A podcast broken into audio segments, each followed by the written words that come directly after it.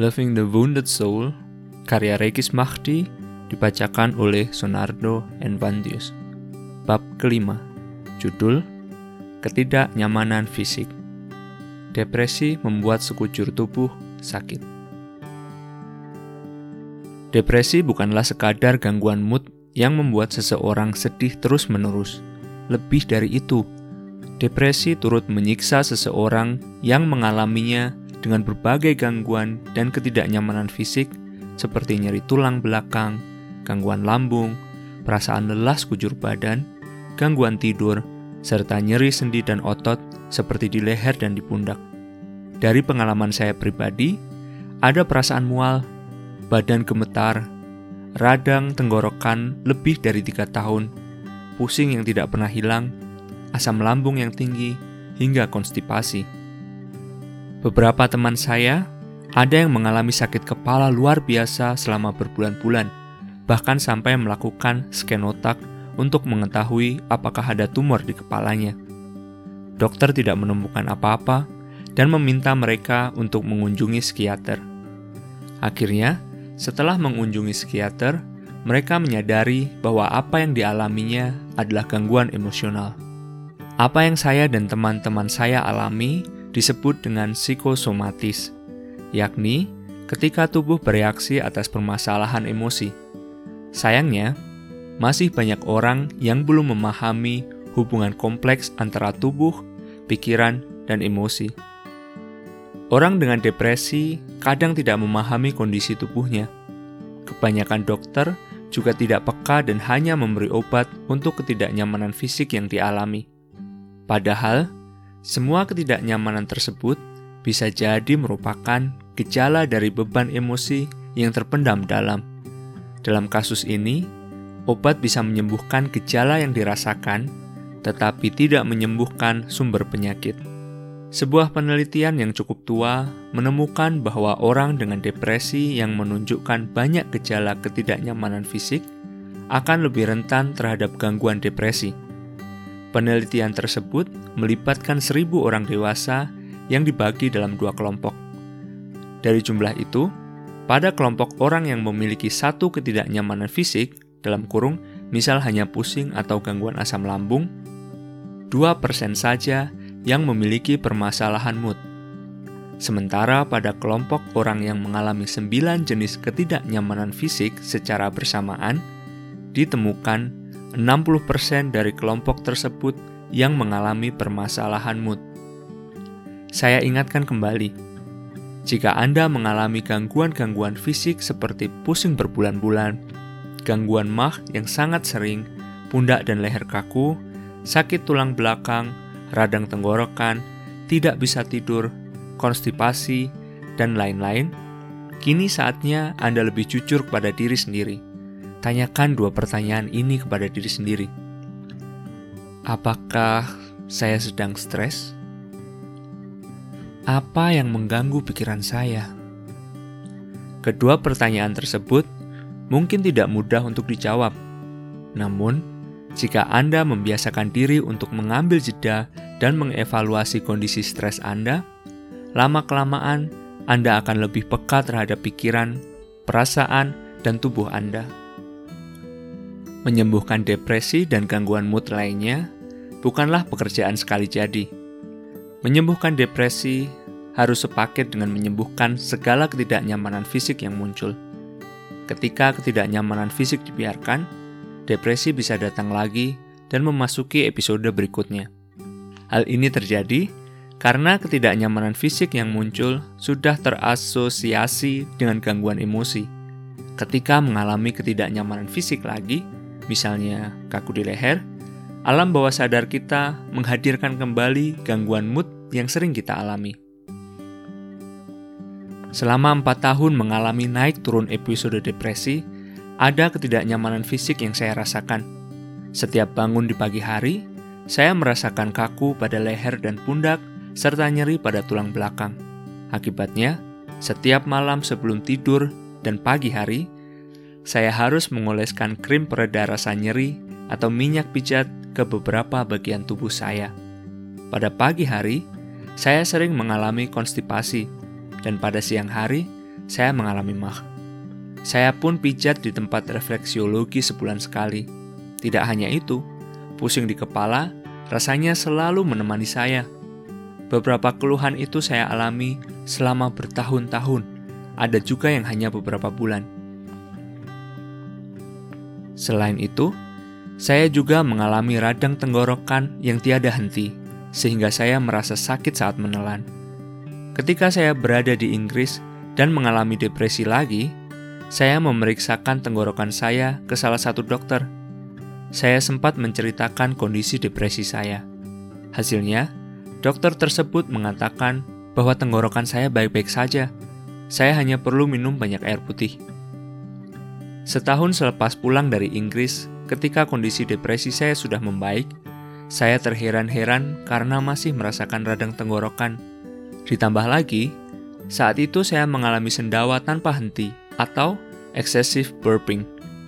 Akhirnya, saya mengunjungi dokter di Yogyakarta dan menceritakan kembali radang tenggorokan saya, termasuk kondisi depresi yang saya alami.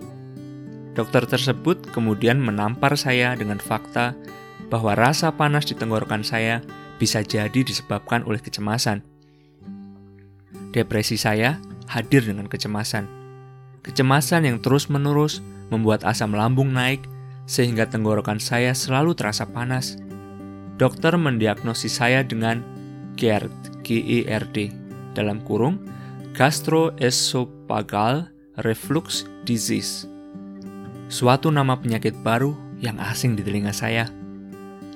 Kesal dengan diagnosis baru tersebut, saya mencari banyak literatur tentang keterkaitan antara emosi dan ketidaknyamanan fisik. Ternyata, sudah banyak tulisan dan penelitian yang menyebutkan bahwa depresi memang bisa mengakibatkan radang di tubuh. Hal ini terjadi karena imun seseorang yang mengalami depresi akan turun sehingga tubuh menjadi lemah. Saya pun lanjut meramban internet untuk menemukan keterkaitan antara depresi, kecemasan, dan sakit fisik. Saya menemukan satu penelitian yang menarik di Cina yang melibatkan 2.339 orang dengan depresi dan atau kecemasan, dan 3.290 orang sehat. Penelitian tersebut menemukan bahwa orang-orang yang mengalami depresi dan atau kecemasan juga mengalami sakit leher, dalam kurung termasuk pundak dan tulang belakang, yang tidak dialami oleh orang-orang sehat. Lebih jauh lagi, sebuah penelitian pada tahun 2000 menemukan bahwa ada hubungan antara amarah dan kanker. Dalam penelitian tersebut, ditemukan bahwa orang-orang yang memiliki skor amarah yang sangat rendah memiliki potensi kanker di tubuhnya. Skor amarah yang sangat rendah justru mengindikasikan perasaan marah yang teramat besar tetapi sangat ditekan atau disembunyikan. Perasaan marah yang sangat ditekan itu pelan-pelan menjelma menjadi sel-sel kanker karena tidak pernah diekspresikan keluar tubuh dan jiwa seseorang. Penelitian tersebut merupakan penelitian awal yang menginvestigasi asosiasi antara kanker dan emosi. Tentu saja, masih dibutuhkan penelitian lain untuk memastikan apakah keduanya memang benar-benar memiliki hubungan sebab akibat. Biarpun masih penelitian awal, penelitian ini bisa menjadi refleksi kita tentang hubungan antara emosi dengan segala hal yang terjadi di tubuh kita. hubungan kausal antara perasaan dan tubuh. Louis Hay, seorang terapis holistik, dalam bukunya yang berjudul You Can Heal Your Life, menjelaskan bahwa ada hubungan antara setiap ketidaknyamanan di fisik dan ketidaknyamanan emosi. Hal ini memang belum terbukti secara ilmiah karena ia menuliskan hubungan itu berdasarkan pengamatannya terhadap ribuan kliennya. Namun, bagi saya yang telah merasakan depresi bertahun-tahun, buku Louis Hay yang berjudul You Can Heal Your Life, Heal Your Body, and Love Your Body membuat saya menemukan perspektif baru untuk melihat segala ketidaknyamanan fisik yang terjadi pada saya. Dalam buku tersebut dipaparkan beberapa contoh hubungan permasalahan fisik dengan permasalahan psikologi. Telinga Louis Hay mengamati klien-kliennya yang memiliki kasus ekstrim, misalnya orang tua yang budek sering kali memiliki pasangan yang sangat cerewet. Menurut Louis Hay, orang tersebut jenuh dan lelah mendengarkan pasangannya yang sangat banyak bicara, entah itu komplain, kritik, atau tuntutan. Telinga adalah representasi kemampuan mendengar. Ketika seseorang mengalami gangguan di telinga, seperti berdengung atau tinnitus, penyebab psikologisnya adalah sesuatu yang tidak ingin ia dengar. Leher Leher adalah penyangga kepala yang memungkinkan bergerak ke kanan dan ke kiri. Leher melambangkan kemampuan manusia untuk fleksibel dalam berpikir, untuk melihat sisi lain dan perspektif orang lain. Jika ada permasalahan di leher, biasanya orang tersebut keras kepala dan kurang bisa melihat perspektif orang lain. Orang yang mengalami kaku di leher biasanya selalu memaksakan kehendak ia yakin bahwa perspektifnya selalu menjadi yang terbaik, sementara perspektif orang lain selalu salah. Tenggorokan Tenggorokan dan segala bagiannya adalah saluran penting yang membantu kita untuk bersuara dan menjadi simbol speak up dalam kehidupan. Permasalahan di tenggorokan menunjukkan bahwa kita merasa tidak punya hak berbicara dan hidup dengan cara kita sendiri Orang yang mengalami masalah tenggorokan, seperti radang, biasanya memiliki banyak hal yang ingin disampaikan ke orang di sekitarnya, entah itu perasaan marah, kecewa, atau ingin bebas menunjukkan siapa diri sejatinya, tetapi tidak bisa karena berbagai halangan. Akibatnya, orang tersebut menahan segala ekspresi yang biasa ia sampaikan melalui kata dan memendamnya sendiri. Tulang belakang Tulang belakang mengindikasikan dukungan moral yang dimiliki seseorang. Rasa nyeri di tulang belakang menandakan perasaan tidak adanya dukungan, entah secara finansial dari pasangan, moral dari keluarga, atau religius dari Tuhan. Perasaan yang muncul ialah alam semesta berkonspirasi untuk menumbangkan diri dan hidup selalu penuh rintangan tanpa ada tangan yang menolong kita. Jantung Jantung dalam kurung heart yang sering diasosiasikan dengan cinta dalam kurung love adalah organ pemompa darah yang mengalirkan seluruh nutrisi ke seluruh tubuh. Louis Hay memandang jantung sebagai organ yang memompa kebahagiaan ke seluruh tubuh. Tanpa jantung, kita tidak akan bisa hidup dengan bahagia. Ketika merasa tidak bahagia dan penuh duka serta derita, kita menumpuk penyakit di jantung kita Cobalah amati orang-orang di sekitar kita. Orang-orang yang mengalami serangan jantung bisa jadi adalah orang-orang yang menumpuk emosi negatif dan ketidakbahagiaan dalam dirinya. Perut Perut adalah representasi dari proses pencernaan karena di dalamnya terdapat berbagai organ pencernaan. Louis Hay menjelaskan bahwa dari aspek emosi dan spiritual, ketika ada permasalahan di perut, hal ini bisa diindikasikan adanya pengalaman hidup yang belum dicerna dengan baik. Sebagai contoh, pada usia-usia transisi dari kuliah ke bekerja, banyak orang yang mengalami gangguan di perut karena mereka belum siap untuk mencerna realitas kehidupan orang dewasa, bayar cicilan, lembur, tekanan bekerja, dan lain-lain. Gangguan di perut juga bisa terjadi karena ada pengalaman yang terlalu menyakitkan atau di luar kerangka berpikir kita. Misalnya, seorang perempuan yang dilecehkan secara seksual oleh pamannya sendiri, yang selama ini dianggapnya sebagai paman yang paling penyayang, sering mengalami ketidaknyamanan di perut. Pengalaman traumatis tersebut berada di luar kerangka berpikirnya, karena paman yang baik seharusnya memperlakukannya dengan baik. Batinnya tidak mampu mencerna pengalaman tersebut, sehingga fisiknya menunjukkan ketidaknyamanan di perut sebagai simbol adanya proses pencernaan pengalaman yang terganggu, usus besar, dan organ pembuangan. Usus besar dan organ pembuangan melambangkan kemampuan kita untuk melepas serta membuang sesuatu yang sudah tidak kita butuhkan. Gangguan pada usus besar berarti kita belum siap melepaskan. Salah satu contohnya, orang yang mengalami konstipasi merupakan orang yang masih memaksakan bertahan di hubungan yang buruk. Lemari mereka biasanya penuh dengan baju-baju lama karena tidak berani membuang. Merekalah orang yang tidak berani berjudi dengan kehidupan. Mereka menggenggam erat masa lalu dan tidak bisa melepaskannya. Mereka tidak berani menjelajahi masa depan.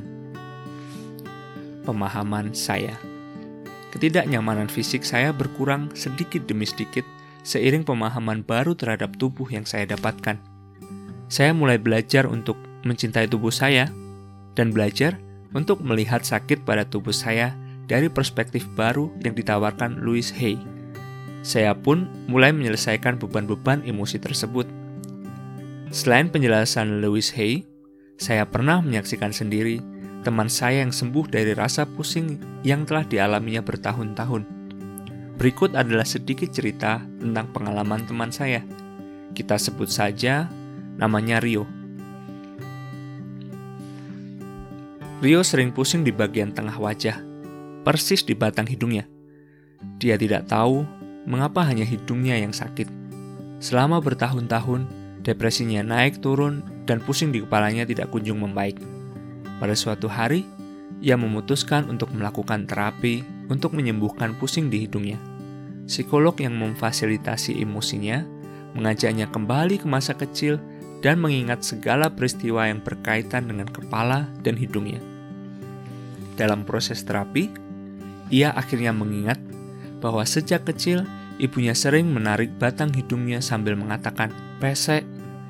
Ketika digali lebih dalam, ia juga ingat bahwa ibunya sempat bercerita kepada Rio bahwa ketika ia bayi, ibunya pernah dimarahi suster karena hidungnya ditarik-tarik sampai merah oleh sang ibu supaya mancung. Rupanya sang ibu tidak suka dengan bentuk hidung Rio yang dianggap terlalu pesek. Sebenarnya, ibunya juga tidak puas dengan bentuk tubuhnya sendiri, bahkan dengan bentuk hidung dan bibir suaminya. Rio yang masih bayi harus menerima energi negatif dari ibunya sehingga ketika dewasa mengalami pusing menahun yang tidak jelas penyebabnya. Pada akhir sesi, psikolog memandu Rio untuk memaafkan ibunya yang telah berlaku kasar dan mentransfer energi negatif tanpa disadari kepada dirinya ketika bayi. Selain keluhan tentang pusing di hidung, kebencian Rio terhadap bentuk hidungnya membuatnya sangat mudah membenci bagian tubuh lain yang menurutnya tidak sempurna. Ia jelas memiliki masalah low body image yang sangat serius. Rio juga diminta memaafkan dirinya sendiri dan berkata kepada hidungnya bahwa ia mencintai hidungnya yang pesek. Perlahan-lahan, ia mulai belajar untuk mencintai hidungnya yang pesek dan badannya yang agak gemuk. Perlahan-lahan, pusing di kepalanya mulai hilang. Begitu juga dengan rasa sakit di bagian tubuh lainnya. Tubuh Anda sedang memberi sinyal tubuh, pikiran, dan emosi kita saling berhubungan satu sama lain. Mekanismenya sangat kompleks dan sulit dipahami. Namun, mari kita bayangkan secara sederhana. Seorang ibu tiba-tiba menerima telepon dari seseorang yang mengatakan bahwa anak sulungnya meninggal akibat kecelakaan. Lututnya langsung lemas dan napasnya tersengal-sengal. Berbeda dengan ilustrasi ibu itu, depresi perlahan-lahan merenggut kenyamanan dari tubuh seseorang tanpa kejadian yang jelas.